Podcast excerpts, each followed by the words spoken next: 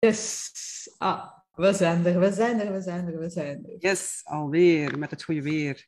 Ja, ja, het is mooi weer. Hè? Uh, morgen ga ik naar Wechter en ik hoop dat ze vier dagen mooi weer geven. Voilà. Ik ga vier dagen naar Wechter, hè? dus ik hoop dat ze vier dagen mooi weer geven. Dus, uh... Hopelijk zijn ze goed uitgerust. Hè? Nog niet.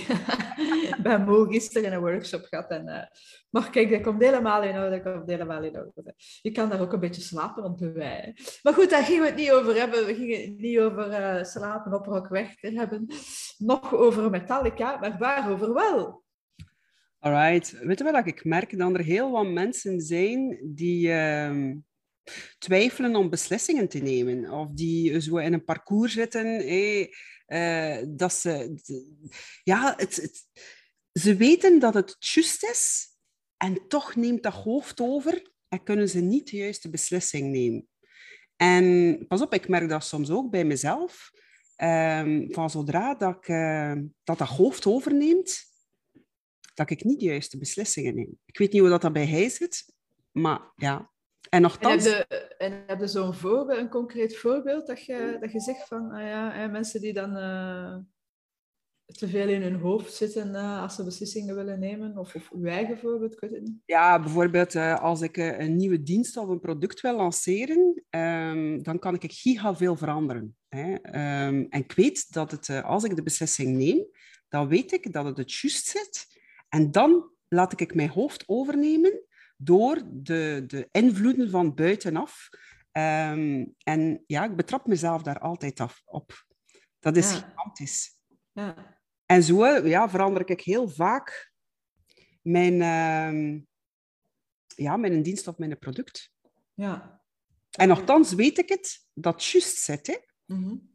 En wat maakt dan dat je dan toch uh, onderweg verandert? Oh, dan zie ik bijvoorbeeld iets op sociale media en dan denk ik van, ja, misschien dat ik het toch zo kan doen. Of het is iemand anders die bijvoorbeeld vraagt tegen mij van, uh, uh, Samia, zou het niet op die manier kunnen doen? Um, ja, heel beïnvloedbaar. En toch zo voor de juiste beslissing te nemen, alhoewel dat ik weet dat het juist is, laat ik mij toch enorm beïnvloeden door anderen. Heb jij dat niet? Uh, ja, dat zal wel. Hè. Dat zal wel. Uh... Ja, is dat beïnvloeden dan? Dan is de vraag van, is dat, of is dat feedback vragen en met die feedback iets doen om het product of dienst dan beter te maken? Of is, of is dat echt uh, dat je zegt, ja, dan ga ik helemaal iets anders doen? Nee. Is het in de finishing touch dat je zegt van, ik verander... Allee, stel nu maar, gisteren had ik mijn workshop mijn pilootworkshop voor de prachtvrouwen, waar, dat we het, uh, waar dat we het over gehad hebben, was vooral rond uh, dingen in de wereld zetten, durven nu te laten zien en te laten horen en wat dat ons tegenhoudt. En dat was een pilootproject, dus op het einde krijg ik wat feedback. En dan denk ik, ah ja, dat is goede feedback. En bij sommige dingen denk ik, ja, daar ga ik niet, uh, geen rekening mee houden. Dus de volgende uh, keer als ik die workshop organiseer, zal, dat, uh, zal ik wel rekening houden met een aantal van die, uh, van die dingen die, ik gekregen heb als feedback. Maar dat is niet echt veranderen. Dat is niet echt een twijfel waar dat jij het over hebt, vermoed ik. Hè?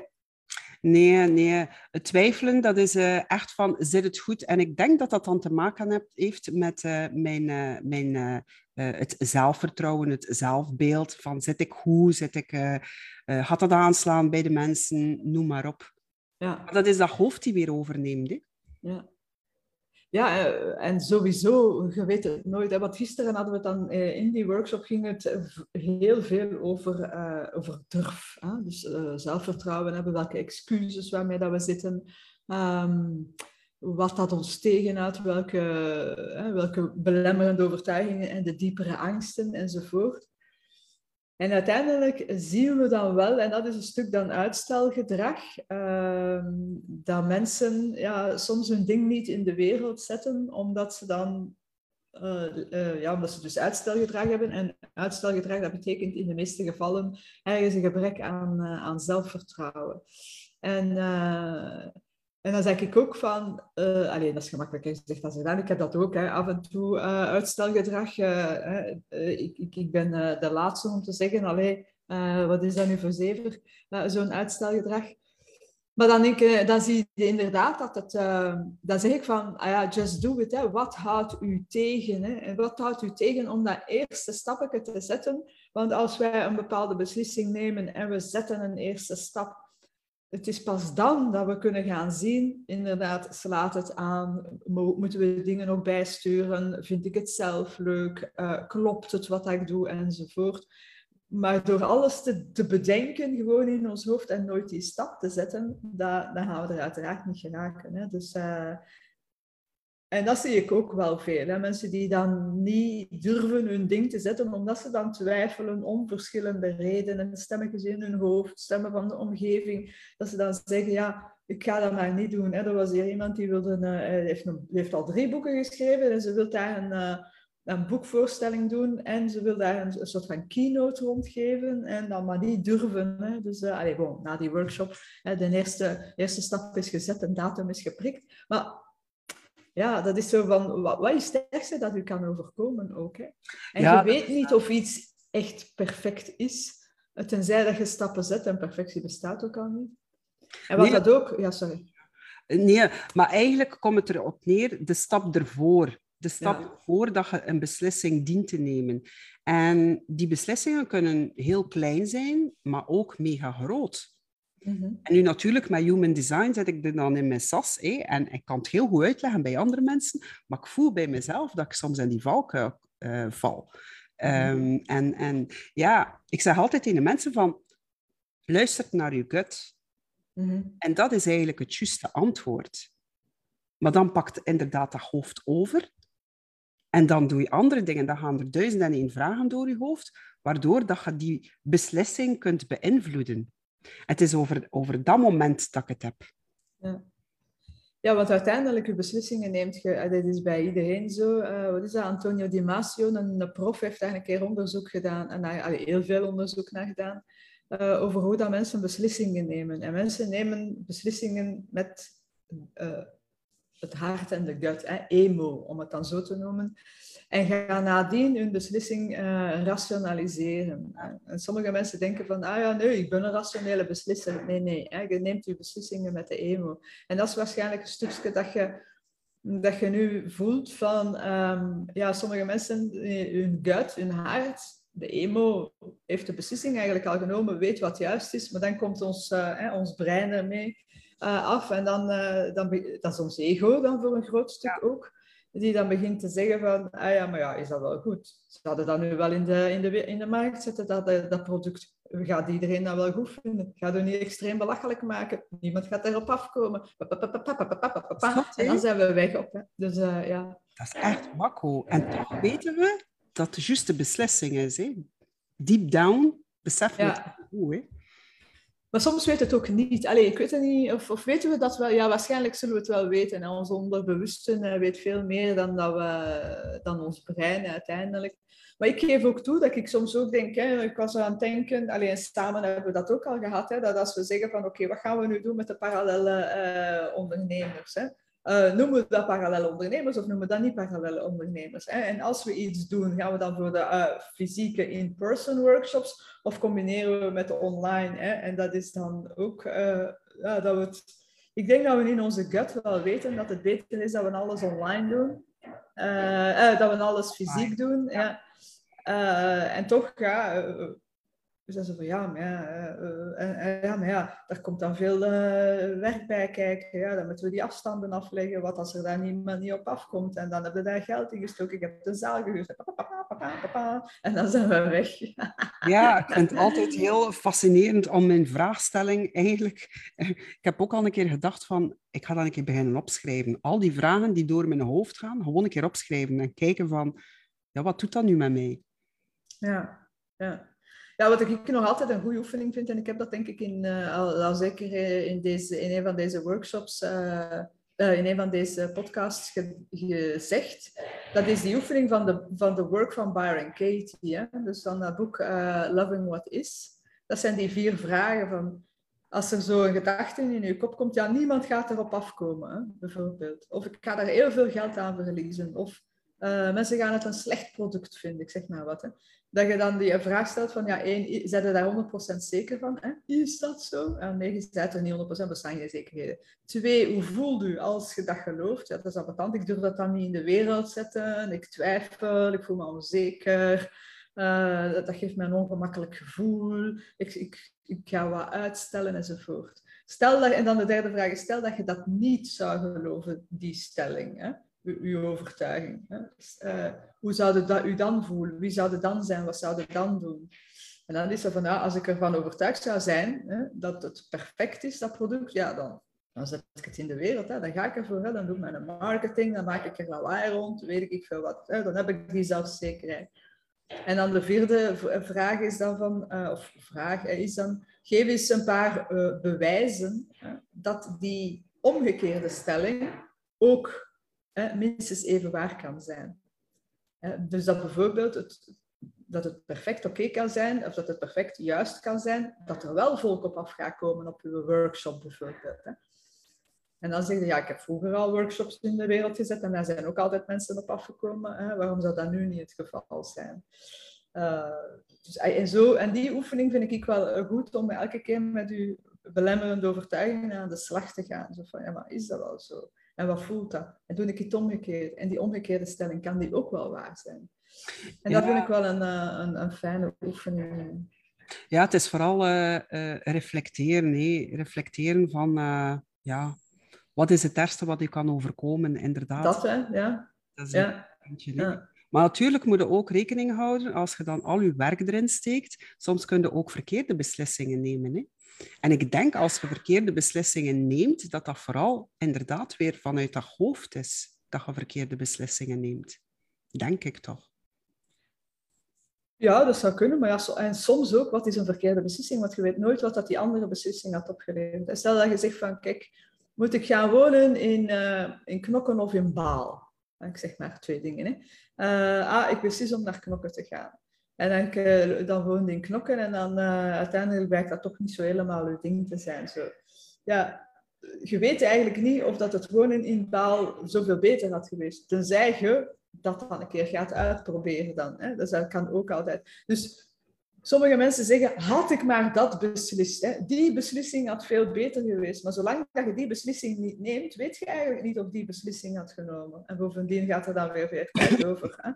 Ja, dus, uh... oké, ik ga daarmee akkoord aan de ene kant, maar aan de andere kant, allee, als ik dat nu bekijk, um, we zijn al een tijdje aan het kijken voor uh, off-grid en community te gaan wonen. Um, en we hebben een hele tijd beslist van dat in Spanje te doen. Nu, dat kan nu al uitgebreid zijn naar Portugal of Italië. Hè. Maar op een gegeven moment was er iemand uh, die ons uitnodigde om uh, naar Slowakije te gaan. En dat sprak mij dus totaal niet aan. En dan neemt dat hoofd over van, ja, maar ja, hij kunt daar toch nog niet over beslissen, hij is daar nog nooit geweest. Maar eigenlijk, mijn eerste gut was al van, nee, no way, het spreekt mij niet aan. En het is over dat dat ik, dat ik het heb. Zo die een eerste gut van die eerste beslissing te gaan nemen. En oké, je kunt dan, we kunnen beslissen inderdaad om ons valiezen te pakken en naar Slowakije te gaan, even te gaan rondtoeren. Maar dat eerste gevoel zit bij mij niet juist. Je kunt dat ook bijvoorbeeld hebben bij bepaalde mensen, hè, Als je, hoe grappig dat het ook klinkt, uh, je komt in gesprek met iemand en op een gegeven moment zeg je van, hm, er is iets met die persoon. Er, is iets, maar ik kan het niet benoemen. Mhm. Dat is toch dat eerste gevoel dat je hebt. Ja, ja, maar ik wil dat zeker niet tegenspreken. Hè. Dus dat je gut feeling, uh, dat dan een hele belangrijke is. Hè. Dus uh, daarom, hè, ik geloof ook absoluut in de gut feeling. Ik geloof ook dat uw hart en uw gut het al, al eerder weten dan uw brein. En dat uw brein het overneemt en de ego uh, met u aan de haal gaan, bij wijze van spreken. dus dus daar ben ik, ben ik inderdaad van overtuigd. Het is inderdaad dan durven naar uw gut te luisteren en te zeggen, oké, deze ik, ik ga mijn gut of mijn hart blijven volgen.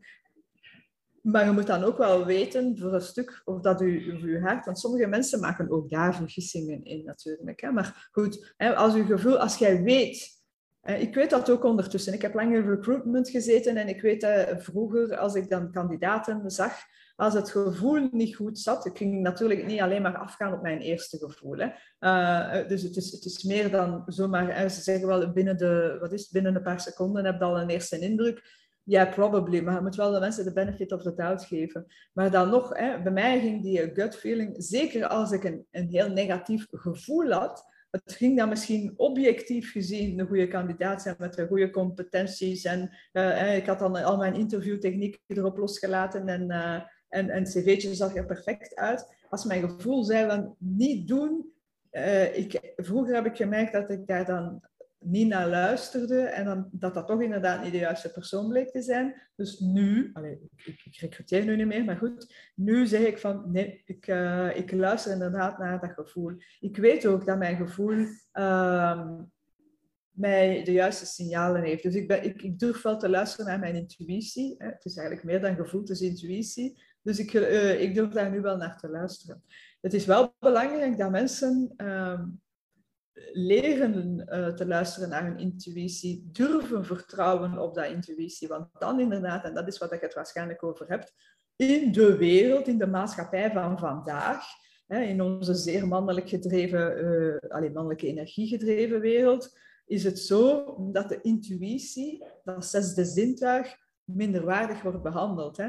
Uh, de wetenschap met al de, de five senses, hè, alles wat moet bewezen worden, wat dat we niet kunnen zien, bestaat niet. Dus dat, uh, dat rationele principe heeft de laatste honderden jaren heel hard voor, het voortouw genomen. En het, het zesde zintuig, de intuïtie, werd, werd zo'n beetje als minderwaardig beschouwd. Dus daar geloof ik ook wel in. En dat is waarschijnlijk ook iets wat je zegt van, uiteindelijk wordt het tijd dat we terug durven luisteren naar de intuïtie, vrouwelijke energie, en dat we daar durven veel meer naar teruggaan en dat die intuïtie, dat, dat, dat zesde zintuig, uh, mag meer naar de voorgrond treden. En dat is ook waar dat ik die evolutie zie in de, van, de, van de oude wereld versus de nieuwe wereld en ook in het oude ondernemerschap, nieuwe ondernemerschap dat is dat we veel meer durven gaan ondernemen vanuit die vrouwelijke energie, dat dat meer in balans is, want we hebben die mannelijk ook wel nodig om dingen in de wereld te zetten, maar dat er meer balans is. En dat betekent onder andere durven te luisteren naar onze intuïtie. Maar dat betekent wel dat je dat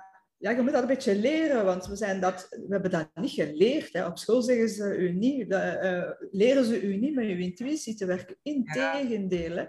Dat vind ik zo jammer hè, in ons schoolonderwijs, um, dat, er, dat er zoveel, dat de essentie van het leven hè, en vooral dat, dat voelen, dat, dat gut, dat dat eigenlijk volledig aan de zijkant wordt geschoven. En ik, ik, ik vind dat ze dat sowieso zouden moeten opnemen, want als kind we zijn daarmee geboren. Hè? Iedereen is daarmee geboren. En door de invloeden in onze maatschappij, um, het, het beïnvloedbare, hè? Het, uh, ja, vind ik het heel spijtig dat dat... Uh, we zijn het vergeten, hè. Het is dat dat we inderdaad terug moeten heropnemen. Durven te luisteren naar ons gut. Leren te luisteren naar ons gut. Het is geen evidentie, hè? pas op. Hè. Nee, en dat betekent dat we uh, moeten vertragen. Hè. Het, uh, het, woordje dat ik uh, vroeger belachelijk vond, hè. als ik nog zeer sterk in mijn mannelijke rationele energie zat, dan dacht ik, als mensen spraken over vertragen. Oh.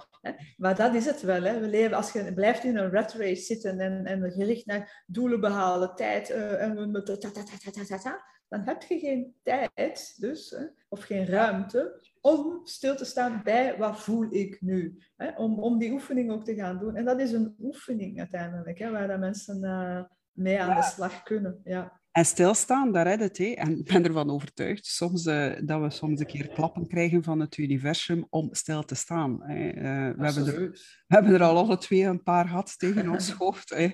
dat we niet anders kunnen dan, uh, dan stilstaan. Maar het doet wel deugd om een keer ik zou zeggen, na te denken, maar vooral om te voelen. Te reflecteren, vind ik een goede, een goede benaming soms, omdat voor mij, maar dat is misschien een verkeerde invulling, maar voor mij is reflecteren een beetje een combinatie. En we mhm. moeten ons brein niet uitsluiten, hè, maar dat je meer zo, mij is reflecteren in, in, in vertraging nadenken, maar ook dan dus uh, met, met, het, uh, met het gevoel erbij. Ja, mijn maar, invulling. Hè, dus, tuurlijk. Maar het fijne vind ik uh, om, het, uh, om het emotionele of het gevoel te koppelen aan het rationele. En dat vind ik zo'n fantastische oefening. Want vroeger, ja, je weet het ook, ik was een heel rationeel iemand. Um, Oké, okay, ik geloofde wel in iets, uh, maar dat, dat is heel veel veranderd de laatste twee jaar. En ik denk dat er heel wat mensen hetzelfde gevoel kunnen beamen op dat vlak. En dat is ook inderdaad die verschuiving naar die, die nieuwe wereld. Hè. Ja. fantastisch. Maar we hebben natuurlijk te maken met heel wat obstakels. Hè. Yes, yes, yes, yes, yes. Hè. Maar dat maakt het leven boeiend, vermoed ik. Hè. Dus uh, stel je voor, we waren er gisteren over bezig van de vijfde dimensie. Uh, hè, en dan iemand zei zo van, oh ja, ik wil in de vijfde dimensie leven, zo van, hè, zonder uh, zonder problemen, zonder uh, ruzie, zonder uh, weet ik veel wat. Zo. En ik dacht in mijn eigen... Ik dacht het niet alleen, ik zei ook. Ik denk dat de vijfde dimensie mega saai is. maar goed, ik denk dat we altijd in die verschillende dimensies zitten. Hè? Derde, vierde, vijfde, er zijn er nog meer blijkbaar. Ik ken daar nu niet het, het, het fijne van. maar ik denk dat het ook daar weer juist fijn is dat je... Of interessant is dat je... Ja, door, soms zitten we helemaal in flow en dan zitten we eigenlijk voor een stuk in die vijfde dimensie. En soms zitten we ja, helemaal in angst en dan zitten we weer in die vierde of derde dimensie. Dus het moet kunnen, hè. moet kunnen. Dus uh, ja, ja maak het leven boeiend. Dus... Alright, goed. Uh, dat was al een relatief lang gesprek. Ja, ja, ja. Wat is ons ding, hè. Ja. Ja, ja, ja. Absoluut, absoluut. Dus ik ben eens benieuwd voor de mensen die luisteren of kijken. Wat is jullie mening? Hoe nemen jullie beslissingen? Wat, wat, wat vinden jullie van de Sixth Sense? Uh, gebruiken jullie dat? Hoe kunnen we dat beter ontwikkelen? Dat is misschien ook een fijne. Uh, misschien mensen die luisteren die daar wat tips over hebben, laat het ons absoluut weten. Hè? Ja, zeker. En dan zijn we, um, ja, dan gaan we er volgende week terug zijn. De open tafel is, uh, is september. Hè? yes fysieke open tafel. ik zou zeggen, mensen die ons een beetje volgen, blijf ons volgen, want er komt heel wat schoons aan. Um, en ondertussen wensen we jullie nog een hele fijne dag met de zon die schijnt. Geniet ervan en tot volgende week zou ik zeggen. Hè. Bye bye.